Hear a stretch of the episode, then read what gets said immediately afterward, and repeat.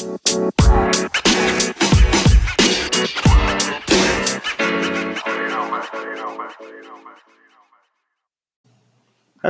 um, welcome to the podcast. My name is Rama. Um, I say um a lot. I I noticed when I listen back to my podcast that I do like sort of I inhale a lot and kayak karena di sini dingin at the moment. It's not too cold now. It's five, but like biasanya lebih dingin daripada ini. Terus kayak gue sniffles jadi kayak I can I can hear my own apa namanya English and stuff. So I apologize for that, guys. I, it's a, it's a very professional podcast right here. I'm literally just recording using like apa game gaming headset yang harganya maybe like not even 10 euro. So it's it's it's not the best setup. That's all I'm saying. But if all if this podcast is going well, maybe I would I should buy a better mic. So anyway, um, buat lo yang baru pertama kali dengerin dan malas dengerin dari pertama terus kayak nyoba nyobain episode 5 langsung aja deh. Uh, welcome to sekedar podcast, sekedar komen podcast. Sorry. Essentially podcast ini nggak ada faedahnya kecuali cuma komen doang sama oh I try to be open and to be not judgmental. So if you're sick of how the world works and how the sentimentality on our world and maybe I can give you a little bit of positivity in looking at the world. Maybe. Ya anyway, gue ini pengen ngomongin tentang sesuatu yang sangat viral akhir-akhir ini. Viral by the way. I haven't heard that word in a long time since I quit working from CNN.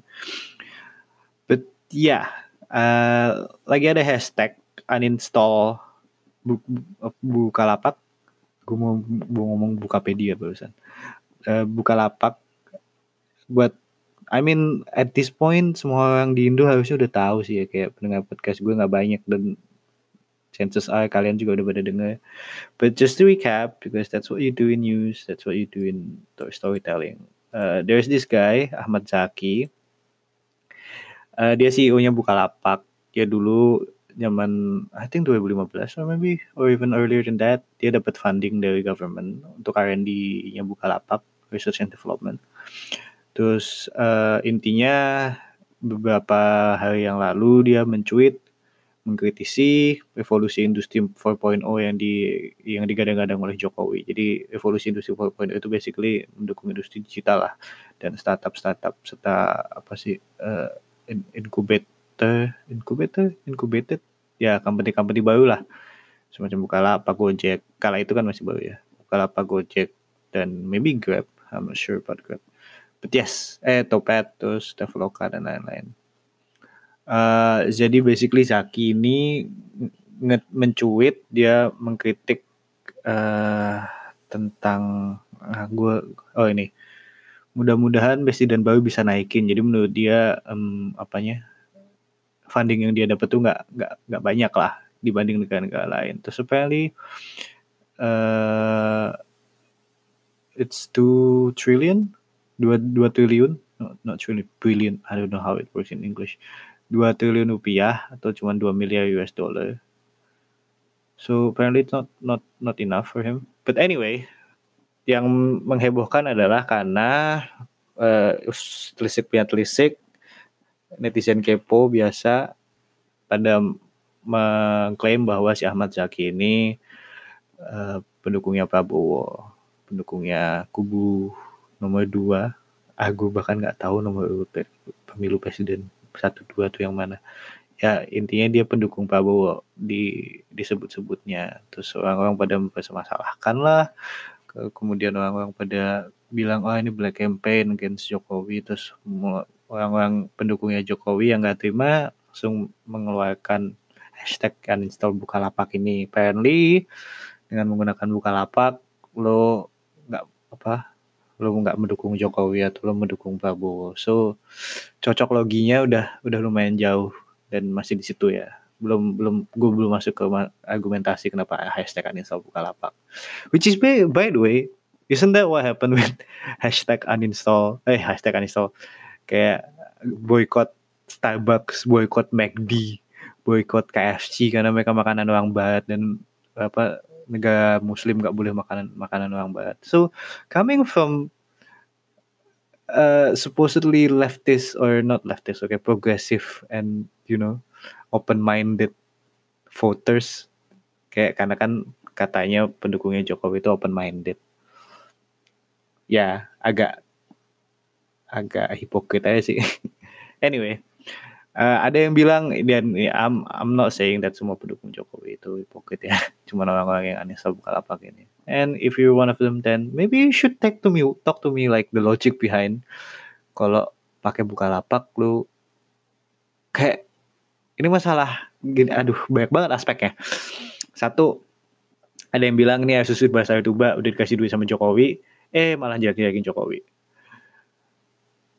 dua katanya pebisnis gak usah gak usah be, berpolitik. Katanya ya udahlah lu bisnis bisnis aja nggak usah apa ngurus ngurusin pemilu dan lain-lain.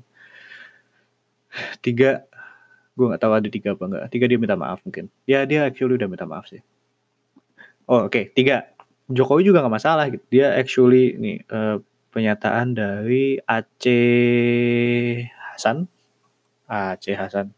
Ngamu ya Aceh Hasan Aceh Hasan Ju bicara tim kampanye nasional Jokowi Ma'ruf Amin. Sebetulnya eh ini, sorry, quote. Sebetulnya Pak Jokowi sendiri nggak ada rasa tersinggung dengan apa yang dilakukan oleh cuitannya Pak Zaki. Memang selama ini Pak Jokowi membantu mensupport dan mendorong industri digital yang tersebut. Dan so Jokowi juga nggak masalah. So I don't understand kenapa hashtag ini menjadi trending topik dunia dan kemudian harus memunculkan hashtag tandingan uninstall Jokowi yang juga menjadi trending topik dunia. Kayak malu-maluin gitu loh kayak first of all Asus bahasa itu mbak namanya funding dari government kayak ya udah kayak mau dia pakai buat apa yang penting dia majuin apa majuin itu fund menggunakan itu funding untuk memajukan apa yang dia supposedly majukan gitu. Dalam, dalam hal ini gig ekonomi kan buka lapak atau uh, servisnya dia. Presiden nggak berapa apa-apa emang itu jatahnya masyarakat gitu. Kayak udah harapannya ya lu bisa membantu nge memperbaiki ekonomi Indonesia aja sebagai buka lapak sebagai e-commerce site. Kayak sama dengan kalau lu ke LPDP, lu belajar di luar negeri, lu balik ya harapannya lu kontribusi balik ke Indonesia gitu. Gak lu karena dapat LPDP dari pemerintahan Jokowi dan Kemenkeu di bawah Sri Mulyani, nggak berarti lu harus vote buat Jokowi gitu atau lu harus vote buat Sri Mulyani ke depannya karena lu punya dapat kalau just so happen lu udah emang suka sama mereka ya that's a different case. But like one thing's not let not leading to the other gitu loh. Just because it correlates doesn't mean it costs it's just one of those things kayak ya nggak nggak nggak nggak nyambung gitu kenapa kenapa Jokowi ngasih funding terus tiba-tiba dia dia ngekritik Jokowi jadi masalah. Poin kedua pebisnis nggak usah berpolitik. Berpolitik itu kan hak hak semua warga Indonesia yang dilindungi undang-undang. Ngapain juga kita permasalahkan orang yang mau ngomong sesuatu just because we don't agree with them. And again ini ini epidemik yang ada di Indonesia sih. Karena kalau gue nggak nggak nggak setuju sama apa yang lo omongin berarti uh, gue harus uh, apa ya istilahnya mengecuse lo sebagai orang terburuk yang tidak tahu apa-apa. Kayak ya udah gitu kalau emang politiknya dia apa kalau emang dia apa pandangan politiknya terhadap Prabowo ya sudah biarkan tidak masalah gitu. Terus kenapa harus di lu memboikot bisnisnya dia gitu? Kayak istilahnya gue uh, mau beli it's it's literally one of those things actually. Kayak tahu gak sih ada case yang uh, gay married gay couple yang di yang dibawa ke pengadilan eh yang mereka ngebawa ke pengadilan sebuah toko roti di di US karena mereka nggak mau serve apa namanya nggak mau ngejual roti pernikahan buat orang gay couple pernikahannya gay couple ini. Like that's just ridiculous. But I mean that's not a good example to give to people who doesn't believe in LGBTQ okay I'll give you another example maybe. Hmm, ya udah oke okay.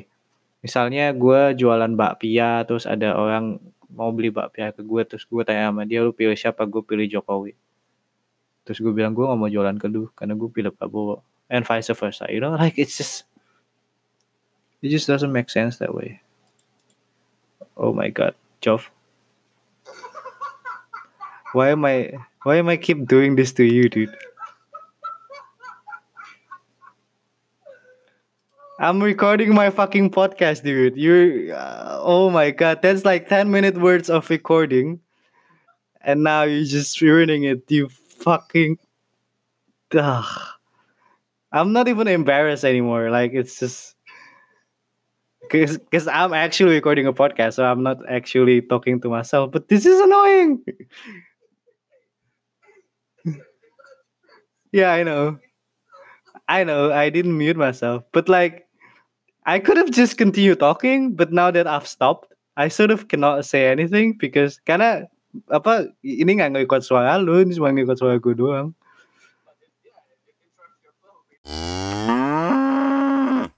Okay, um, I had to stop the recording. I was about to cut that part, but it's funny, so I'm just gonna leave it out. So, Joe, if you're listening to this, fuck you, dude. Anyway, Pak Pia, uh, Jokowi, ah, I lost my fucking point. yeah, yeah. I mean, you get what I mean. Just, I just don't understand why why this becomes such an epi apa ya polem bukan polem kontroversi orang Indonesia terus kayak jadi ada dua hashtag yang sangat kuat muncul terus kayak kayak yang gue bilang beberapa beberapa episode yang lalu gitu ini nggak ada nggak ada esensinya kayak ngomongin Jan Etes all over again kayak ya udah mau diapain lagi emang itu kan opini kayak mendingan daripada capek-capek baper marah-marahin sisi lain udahlah. Bikin bikin yang apa ngobrolin apa kayak yang agak agak ada faedahnya dikit kayak kayak I don't know kebijakan atau keputusan atau apalah. But yeah that's the that's the way Indonesia it is right now. So I don't know what do you think? Like if you do you agree with I'm I'm sure like most of you won't agree but like if you agree with this sort of like hashtag uninstall Bukalapak thingy would you let me know? Like would would would would it be nice? It would be nice if we can have a conversation and just sort of like what just, just sort of understand each other. Like this hardline campaigning and people like me who just doesn't care about all this shit. So yeah um apologize for the interruption from my so basically what happened in that debacle was uh, gue habis main PUBG sama Jovian terus kayak Discord gue masih nyala. Terus kayak I just leave it on. And then because he he he had to jump out because his girlfriend called her called him. And then he just muted himself and I forgot to to mute myself. So or even get off on the off the server. So he can hear me. And this is not the first time it happened to me. One time I had to make a private call like a really private call. And then I was playing a duo with him. And then he he, he hear like solid maybe three minutes of my private conversation which is very embarrassing and it's very very deep. Not deep but like it's a very personal issue it's just sort of like I can hear all that. So yeah, um, if you guys are using Discord, be careful with that shit, dude. So for this, uh, this is a very heavy topic. For the second segment, I thought karena ya just uh, kemarin sempat mention ke gue terus kayak gue yang, hey, you know what, might as well. Uh, it's about the Pope, the Holy Pope uh, Paus Franciscus yang kemarin sort of admit to journalists that there is uh, budak, budak seks. Ada suster-suster Katolik yang di divorce uh, sexually abuse dan ada yang divorce jadi budak seks sama uh, along the years lah. Nggak cuma di bawahnya dia nggak cuma di bawah kepemimpinannya dia. Kalau paus tuh kepemimpinan apa, apa sih? Bimbingan? Uh, ya itulah. Uh, you know sexual scandal is not new with Catholic Church. Kayak I'm sure kayak kalian pasti pernah dengar sekali ada kasus uh, sexual abuse atau even sodomi atau ya, kasus apa ya child abuse juga. Uh, apparently di ta dari tahun 2005 udah banyak kasus. Bahkan ada kayak uh, wait siapa sih ini Archbishop Luigi Ventura uh, lagi diinvestigate at this moment. He's 74. So Archbishop itu apa sih? Uskup Agung. Iya. kayaknya ya kalau nggak salah ya. I mean I'm Catholic technically, but like I haven't been to church since Christmas, and even that I almost not go because my bike just gave up on me. Anyway, so yeah, uh, I don't know what to say about this. Uh, there is kayak there's no denying that our current pope is very hopeful in a way that he acknowledged people from uh, homosexual background. He said that who who am I to judge? Which is for the pope to say. It's it's very refreshing. It's like, I mean, lots of people judge, and like if I mean, harusnya sih ya, if you unless you feel like you're better than the pope, then you shouldn't judge the case as well. But that's not how the works, unfortunately. But anyway, um, that's selain itu juga Pope Francis kata belakangnya SY. SY itu kalau dari orang teman-teman yang Katolik udah tahu lebih um, nggak nggak terbuka sih, lebih free in a way. Pola pikirnya tuh lebih lebih terbuka lah. Jadi kelihatan kan dari dari gelagat-gelagatnya dia yang kadang nggak mau pakai jubah, kadang pakai mobil yang seadanya aja. Even though he still spend a lot of fuck ton of money just to go to one place or to other place. So it's not like dia nggak boleh juga sama aja sebenarnya. Cuman kayak eh, mungkin agak sedikit pencitraan. Anyway, so that's what the Pope said. Uh, he just acknowledged that and he says that there will be apa namanya uh, investigation and dia akan ada apa ya istilahnya audit internal lah untuk untuk me, menghadapi masalah sexual abuse di gereja Katolik ini. Which is menurut gue nggak agak that's the that's the thing that I don't like about the religious institution kayak mereka punya privilege sendiri bayangin um, say siapa ya? Uh, Anderson Cooper gitu yang CNN dia allegedly sexually abuse somebody. Atau Kevin Spacey aja deh. Atau siapa sih? Uh, banyak lah orang yang udah di di accuse. Prosesnya nggak bisa tertutup gitu kayak pasti pasti mereka diskutasi oleh publik dan lain-lain. Cuma kalau kalau gereja tuh mereka bisa yang kayak oh we're just gonna process this internally and then we listen we we basically don't hear anything back from them unless they want to tell us. So it's unfair sometimes. Okay, celebrity is scrutinized more than than the religious people, which is I guess people people trust the Catholic establishment more than the celebrities for sure. But like I don't know, it's just okay. You're literally selling something. You're not selling, see. Every day you preach about being good, being you know facing God and like spreading love and blessings and stuff, and then you got caught doing that or you got accused doing that, and yet kayak you know how it's very diametrically opposed gitu kayak sesuatu yang harusnya suci tapi ternyata berbuat dosa. Terus kayak ujung-ujungnya kayak ya kamu juga manusia and stuff like that. But like but you're selling heaven like it's, it's what it's your product you shouldn't do that. And if you do that, the repercussions should be even worse than people who are just normal. Not that the crime is different, the crime is not the same, but like you're posing as somebody who's, you know, who's holy and stuff, who needs to be followed, and yet that's what you do. So I don't know. This is probably just me. Um, I'm not really sure what else to say about this. Uh, Pro, should I? Well, might as well get it done and over with. So I'm an agnostic. Jadi gue KTP gue Katolik, cuman technically gue ya yeah, technically gue Katolik, cuman secara hati dan pikiran gue struggling untuk percaya kepada gereja Katolik dan the Holy Trinity and the concept of God, the human concept of God. Um, not that I don't believe in higher power, cuman gue dan ini ini develop over years ya. Kayak waktu gue pertama kali sampai Melbourne juga gue masih ke gereja dan lain-lain cuman kayak along the years from reading lots of you know things about uh, the universe watching lots of movies and documentaries like from Brian Cox from Neil deGrasse Tyson terus kayak inspired by movies like Interstellar. I just sort of start questioning like the the world beyond the earth and beyond our solar system and beyond our galaxy and just start sort of like fucking confused with my own faith.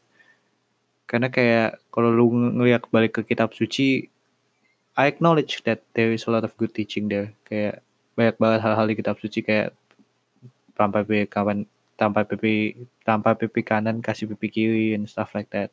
It's a good teaching it's a good like sort of value to have to sort of spread love and spread blessing. I'm i'm still preaching that. I'm still trying to spread you know love as much as i can and to sort of open people. So it's just kayak hal-hal kecil yang kayak ada ada satu kejadian di kitab suci di mana ada I think pelacur dilemparin batu sama orang-orang terus kayak Yesus ended up berdiri di sampingnya dia or something like that. And then just like kalau kalian emang kalian lebih suci daripada wanita ini terus dengan kalian berani melempari batu. Kayak orang-orang Farisi atau apa gue lupa. I'm not good with the Bible so I'm just watching the whole story. For for all I know this story might not even there. But yeah. dan itu kayak ya kalau Tuhan Yesus saja nggak nggak ngejudge orang kenapa kita harus ngejudge? Yet kita sebagai umat Katolik kadang masih very judgmental. Dan that's the thing that makes me sort of like apa sih? Terus kayak gue sempat ngambil antropologi dan antropologi kayak ada ada this apa sih observation assignment. Terus kayak you you have to observe some sort of cult and something like that.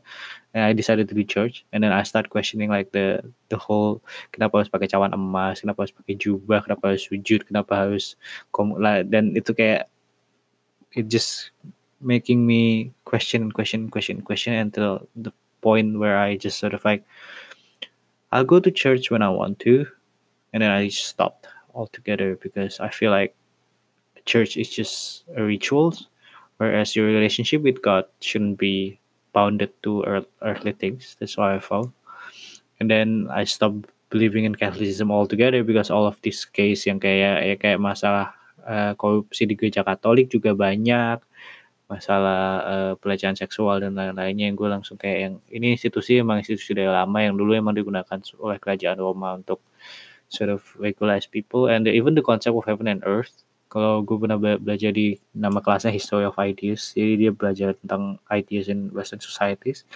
And the and this concept of heaven and earth is actually man-made and stuff which is you can believe it you cannot I choose not to believe in your religion it's fine because I don't I don't make I don't want you to not believe in it because I not I don't believe in it. It's just like I have my own belief, you have your own belief, so just let's respect each other that way.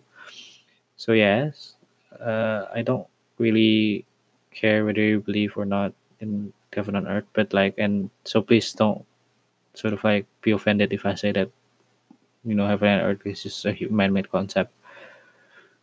So anyway, yeah, uh, and then tapi kenapa gue gue bilang agnostik dan bukan ateis? Karena kalau ateis nggak percaya sama Tuhan gue nggak tahu gue masih I'm I'm yet to sort of decide whether I believe in God or not.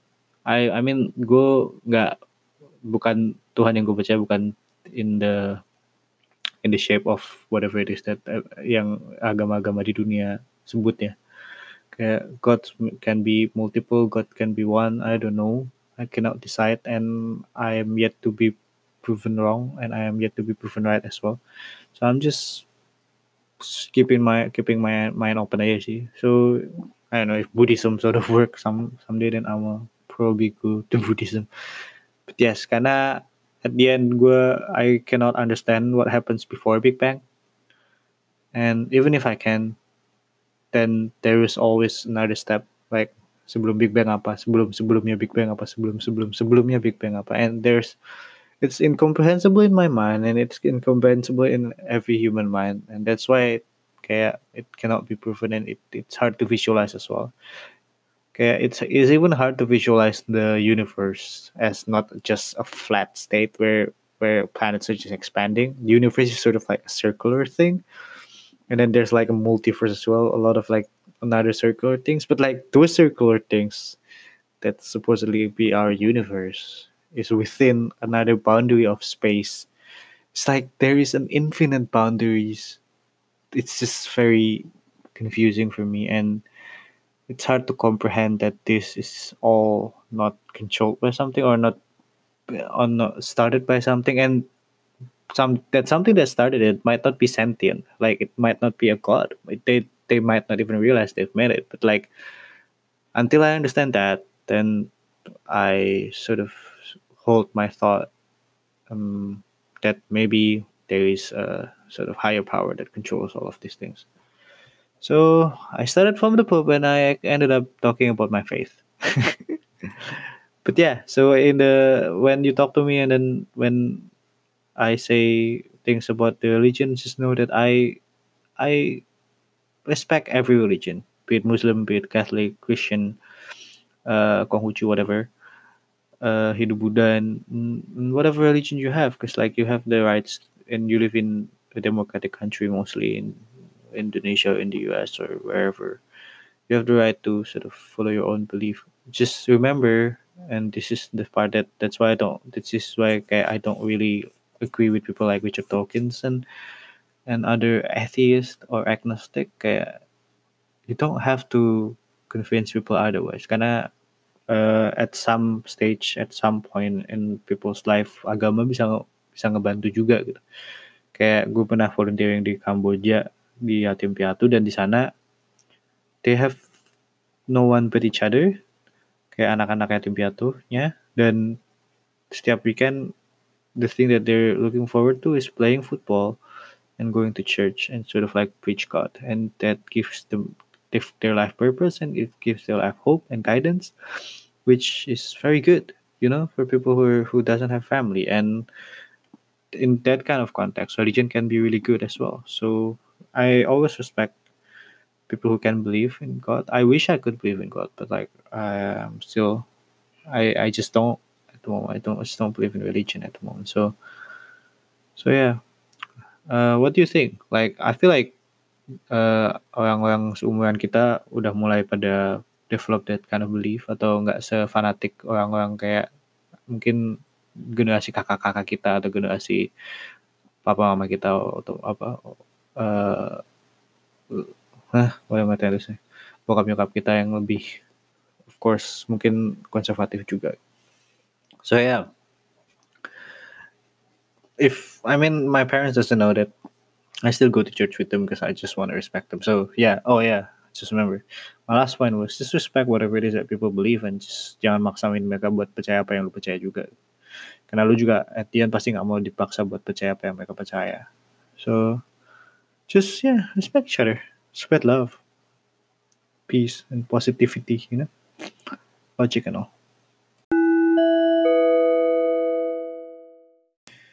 For the third segment, as usual, I, uh, we're going to talk about international news. There's no nothing much happening. There's a breaking news uh, from the US. Apparently, setelah upayanya gagal berkali-kali, akhirnya Trump call for emergency funding buat uh, their Mexican wall. So basically, kemarin shutdown 66 hari itu nggak guna karena ya yeah, at the end dia declare emergency offer Mexico border wall anyway. So what it means basically, um, the president just sort of like state he declare it's a national apa it's an emergency so that he can get more money. Kayak karena isu border wall ini jadi national emergency apa sih national ya itulah jadi national emergency makanya mereka dapat 5,7 billion US dollar to pay for the wall which is uh, of course, criticized by senior Democrats as gross abuse of power, which is true. Cuman ya, ya dua tahun jadi presiden emang dua setengah tahun bahkan. Ya dua tahun jadi presiden ya emang programnya tam itu aja. dan technically, dan and to be fair, he is fulfilling his campaign promises, and he won because of those campaign promises. So like, he's doing what he's supposed to do. so yeah, that's that's that's that's what happened in the U.S. Uh, I don't want to talk much about too many too long about U.S. politics because yeah, it's just very messy. Um, in another news, not news, in another story which interests me this week, Uh, ini udah agak lama sih, mungkin udah satu setengah minggu lalu, mungkin dua minggu. So the BBC reported and it takes apa di report sama banyak banyak uh, news outlet lainnya juga. So there's this guy in India who were apparently suing their parents, bokap nyokapnya, for giving birth to him. Jadi basically dia nuntut bokap nyokapnya karena ngelahirin ngelahirin dia tanpa izin dari dia. So, so basically I was born without consent from myself. So I'm suing you. It's my parents. So apparently he felt that uh, every every people should have the rights to choose whether they want to be born or not. and kalau mereka dilahirin tanpa izin mereka sendiri it's in her uh, it's in a whatever it, it, it just doesn't agree with that apparently and yeah uh, karena menurut dia nggak adil buat anak yang dilahirkan oleh keluarga yang tidak satu udah oke. Okay.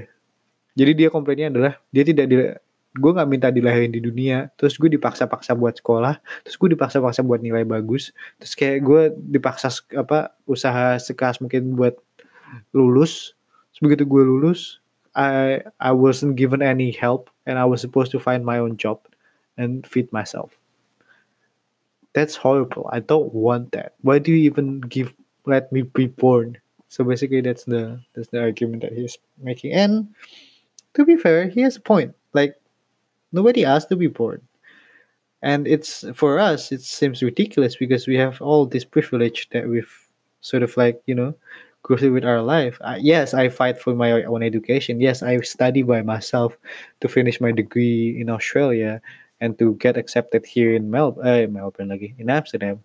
But like, I have to admit, it's all because my parents are well off you know. Karena bokap gue bisa bayar makanya gue ada di sini gitu. Kan karena privilege gue sekolah di Australia makanya gue bisa kerja di CNN dan privilege privilege kecil itu yang kayak kita kadang lupa gitu. Dan kayak buat orang-orang yang lahir di di sebuah, sebuah keterbatasan chances buat ngelakuin apa yang gue lakuin sekarang kecil banget bukan gak bukan gak mungkin tapi kecil dan nggak adil emang.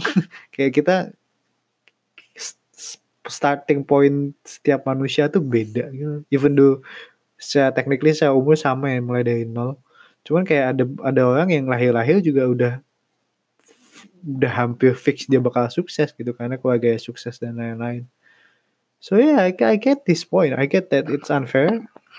I get that it's it's sort of annoying to be born in a in a, in a difficult situation and circumstances but yeah it's just it's just it just caught my eye. I just see this story. And apparently he knows he understands that he's not going to win the lawsuit but he's just like he just want to say that this is my philosophy called nihilism. And i don't care. I just want people to know that this this is unfair so yeah that's what happened with the indian guy who sues their parents so there's nothing much that I'm going to talk about here. Um, it's going to be a shorter episode, I guess, than usual. But yeah, uh, let me know what you guys think. Uh, let me know if there's anything that you want to talk about, or let me know what you enjoy. Let me know what you don't enjoy. Did you enjoy uh, Jofian's interruption in the middle of the episode? Uh, so yeah, I apologize for that and I leave it on because it's funny. If you don't find it funny, then I'm sorry. But yeah, uh, that's it for this week. Um, I am going to be busy with thesis and other assignment as well. So kayak biasanya gue tiga hari sekali, dua hari sekali uh, rilis podcast. Um, I think I'm gonna slow down a little bit, maybe twice or once a week. So and maybe gives people to catch up with the episode as well. As usual, if you like this episode, don't forget to share it maybe so that more people can uh, listen to this podcast. And apparently, leaving a review is a good thing to do in podcast. So if you're kind enough and you have time, leave a little bit of a review. Um, yeah, that's it for this week. I'll see you guys in the next one. Bye.